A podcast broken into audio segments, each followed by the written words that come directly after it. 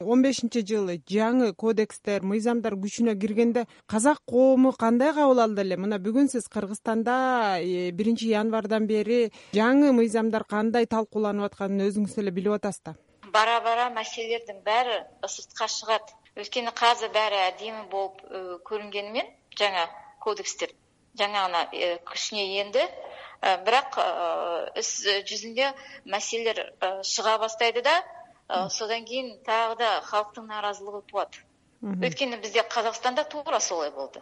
Абелде өтө өтө адеми көрсөтүлүп бул кодекстер гуманизациялоо яғни жеңилдетүү іс жүргүзүүдү жеңилдетүү яғни биз алга басабыз ушундай кодекстер менен деп айтылган расында э, келсек соңку осы соңку үч жылда дал жаңа кодекстер кабылданган кезден баштап бизде мисалы табелсиз пикир билдирүүчүлөр мисалы азыр куудаланат осы кылмыштык кодекспен. Анан кийин саясий белсендилер активисттер э, ар бир адам башкача ойлойтун ар бир адам азыр кабипте және де осы жаңа кылмыштык кодекс кылмыштык іс жүргүзүү кодекси олардын баары табелсиз адамдарды куудалоодун куралдары инструменттери болуп табылат кыргызстанда ушу бирден бир абдан катуу талкууланып жаткан бул тартип бузуу жөнүндө кодекс. Ошол жерде жанагы адамдар өзүн кантип алып жүрүш керек айдоочулар кандай жүрүш керек ал тургай коомдук жайларда жана түкүргөндөн тарта өтө кызуу талкуу жүрүп атат. Казакстанда деле угулуп атса керек бул. Сиздер сиздерде ушу тартип бузуу боюнча мыйзамдар ишке киргенде кандай болду эле ондай баптар әкімшілік кодексте бар. Бізде ол әкімшілік кодекс деп аталат. Әкімшілік құқық бұзушылар туралы кодекс. Яғни кодекс об административных правонарушениях деген. Ол совет заманынан келе жатқан кодекс аталуы. Содан кейін қылмыстық кодексте де бар. Бұзақылық дейміз бізде.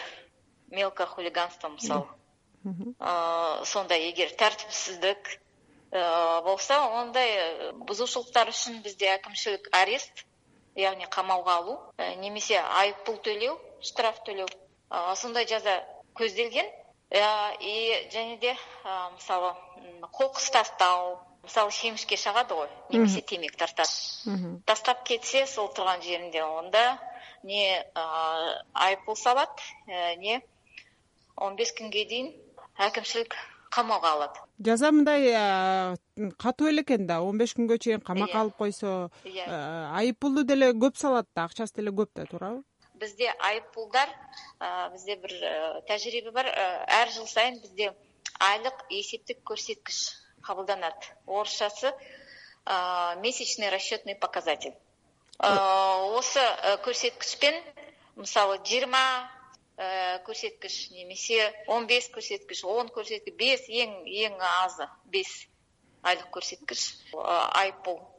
Және кандай осы жылда кандай көрсөткүч сону жыйырмага мисалы көбөйтесиз сондай штраф бул яғни әр жыл сайын ол өсүп турат кыргызстандык укук коргоочулар менен сиз да тыгыз иштешесиз. Мына пробация жөнүндө мыйзам.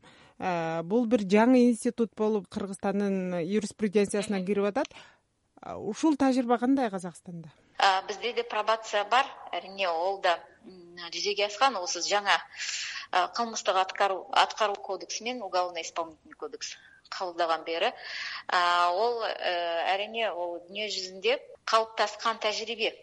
Бирок бизде али да ички иштер министрлиги реформадан өтпеген соң олар бир эскиче анау совет заманынан келе жаткан репрессивдик түрдө жумус істейді яғни көп адамдар мысалы бізге шағымдарын э, түсіріп жатады пробация қызметкерлеріне. Өйткені олар босағаннан кейін мысалы шартты түрде босады ғой удо дейміз иә условно досрочный олар пробация қызметінің бақылауына түседі.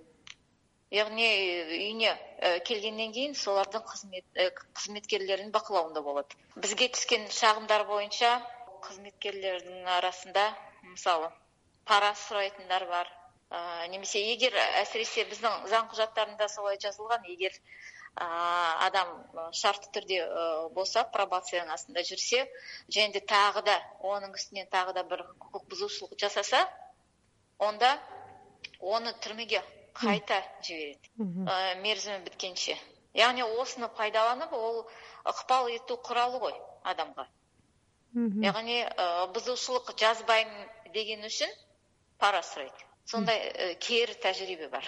Өкүнүчкө орой. Кыргызстандын ушу тажрыйбасына сиз кандай баа бересиз? Туура жолдо баратабы? Сиздер муну басып өттүңүздөр да. Эми әрине бул умтулуш умтулуштун өзү яғни оны айтуу ол жарты іс жарым іс дегендей. Ол керек. Бирок оны жүзеге асыруу керек. Яғни эгер гуманизация айтылса ол болот десе онда оны шынайы түрдө жүзеге асыруу керек. Тек гана декларация түрүндө гана бермей онун накты механизмдерин баарын заңда келтирүү керек баары анык болуу керек. Өйткені мысалы құқық басымдылығы деген ұстам бар верховенство права орысша. Осы ұстамға сәйкес әрбір заң анық жазылуы тиіс.